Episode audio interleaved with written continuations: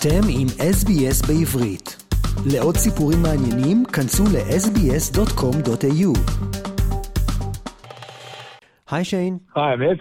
Thanks for joining again this week. And on this week's edition of the Australian Jewish News, with big news in your headlines, with a young Jewish athlete by the name of Harry Sheezel. Shane, tell us more. Uh, well, this is a this is a huge story. Uh, uh, we've got uh, the first ever Jewish Aussie rules player, Harry Sheezel, who's uh, 18 years old, uh, he became the first ever top 10 AFL draft pick earlier this week. Uh, he was the number three draft pick, uh, and he was snapped up by the North Melbourne Kangaroos. Uh, of course, he's an Ajax Footy Club junior, and uh, he's gone on to play rep footy for the Sandringham Dragons, winning a NAB League uh, Grand Final. He also was part of the Vic Metro team that won uh, the national championships.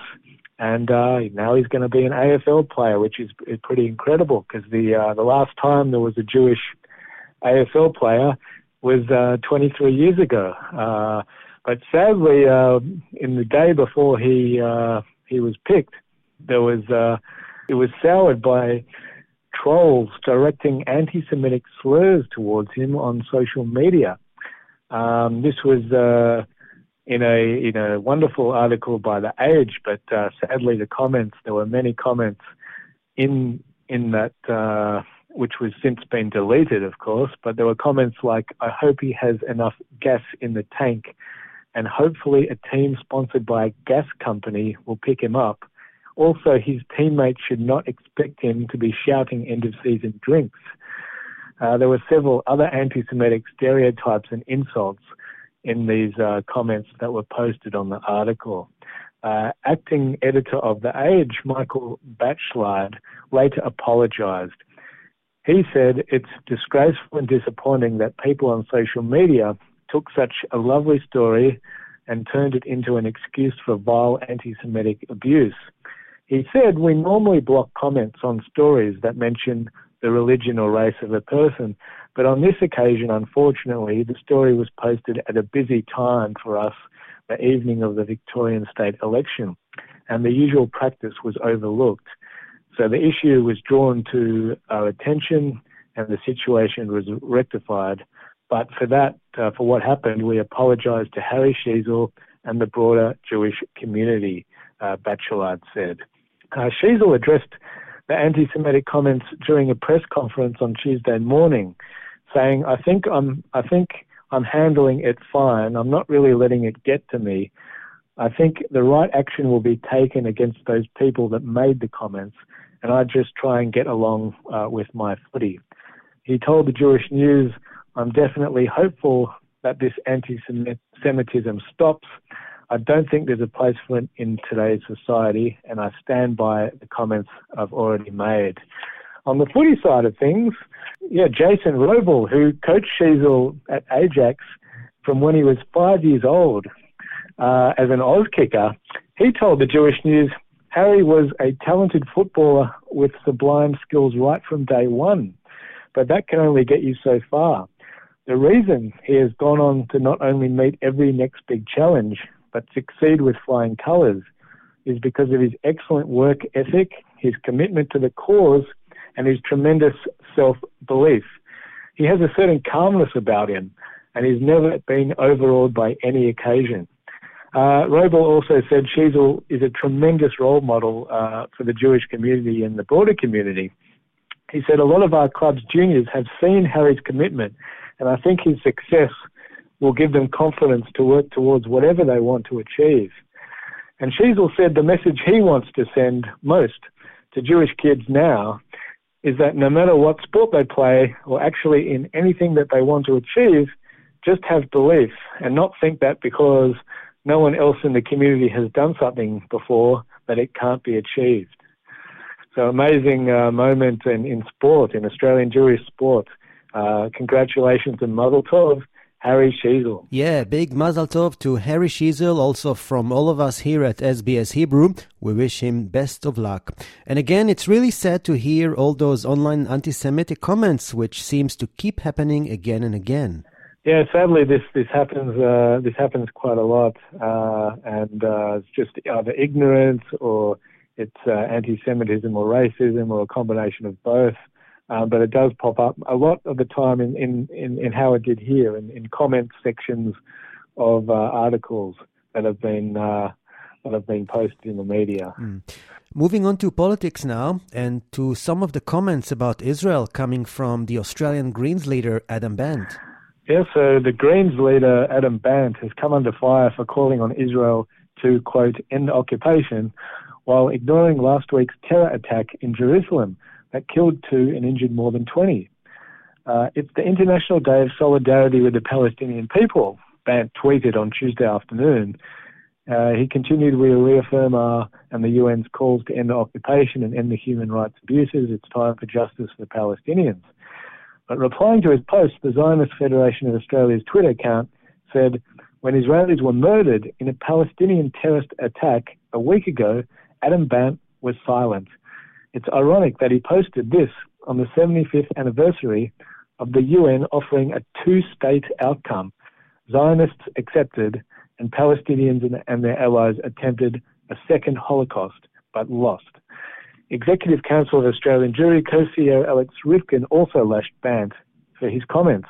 He said, it's actually the anniversary of the international community endorsing two states for two peoples, and the Palestinians and their backers responding with a devastating war that killed 1% of Israelis and uprooted 850,000 Jews from the Middle East. Ryvchin posted on social media. Our justice requires truth, he added. Uh, of course, last year, during Israel's 11 day war with Hamas in Gaza, Bandt tweeted, quote, this is not a conflict between equals. It is the continuation of oppression and occupation that makes it impossible for Palestinians or Israelis to ever live in peace and security. But in 2020, the Greens leader told the Jewish News it was a furphy that the Greens do not support Israel. Uh, the Greens had their best ever result in May's federal election increasing the number of lower house MPs from one to four and adding three senators for a total of 12. Right. And staying with politics and to the state election last week, and by now we should know the full results, but by counting most of the votes, looking at the Jewish candidates for Caulfield, it's pretty much clear that David Southwick remains in his seat. But give us some more results for the other candidates. Yeah, I can give you an update. It's, he's, he's almost at the time of uh, we're recording this. He's almost um, got it. He was very, he was quietly confident he would keep Caulfield uh, based on postal votes. Uh, of course, uh, Matthew Guy's Liberals failed to nudge the dial back from their 2018 drubbing. Uh, so ALP won comprehensively uh, the overall election. Uh, by Tuesday, with some 5,000 postal votes and 5,000 absentee votes left to be counted, uh, postals are breaking 72% Southwick's way. Uh, that confidence almost almost certainly proved uh, justified. Uh, Southwick said, "There's no question that the early voting for us was really good. Uh, Caulfield has bucked the statewide trend, and if you look at some of the other seats that we've lost." Southwick said they were a lot safer. Uh, asked if six Jewish candidates in Caulfield had raised the stakes, he responded, If I get over the line, it will be because the Jewish community has stuck with me. Uh, on the Liberals' overall performance, Southwick reflected, We've got a lot of work to do with the broader party, uh, and I've spent a lot of time trying to make to take the party to the centre and to be a more mainstream party and a more progressive party.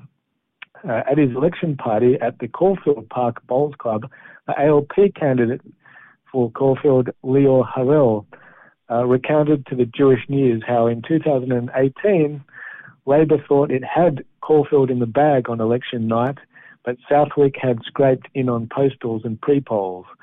On the Andrews government re-election, Harel said, I frankly never thought that the Liberals were fit to form government. Uh, among Caulfield's Jewish candidates, as of late Tuesday, Teal Nomi Kaltmann finished well behind with 2,160 primary votes only. Uh, the Greens' Rachel Yampolsky had 4,747 votes.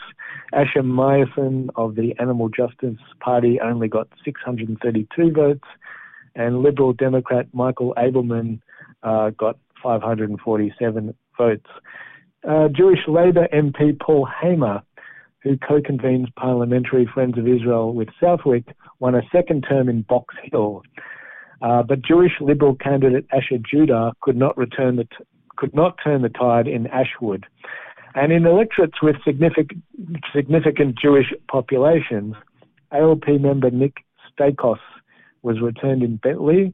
Liberal James Newbury retained Brighton, and ex-Liberal leader Michael O'Brien saw off challenges in Malvern. Okay. Anything else on elections before we conclude on that subject? Yeah, I should just mention that uh, still on the election, the, uh, the Minister for Multicultural Affairs, Ros Spence, has reaffirmed the state government's commitment of a $2 million towards the construction of the Jewish Arts Quarter. Uh, the funding pledge was announced last Thursday prior to the state election and hinged on the Andrews government being re-elected, which of course it was. Uh, the Jewish Arts Quarter is a first for the Jewish community in Australia and will see some of the community's leading arts and cultural institutions come together in the one location. Okay, Shane, thanks for the update. And as always, you can log in to the AJN website and read the full stories. Shane Desiatnik from the Australian Jewish News, thank you. Uh, thank you. עקבו אחרינו והפיצו אותנו דרך דף הפייסבוק שלנו.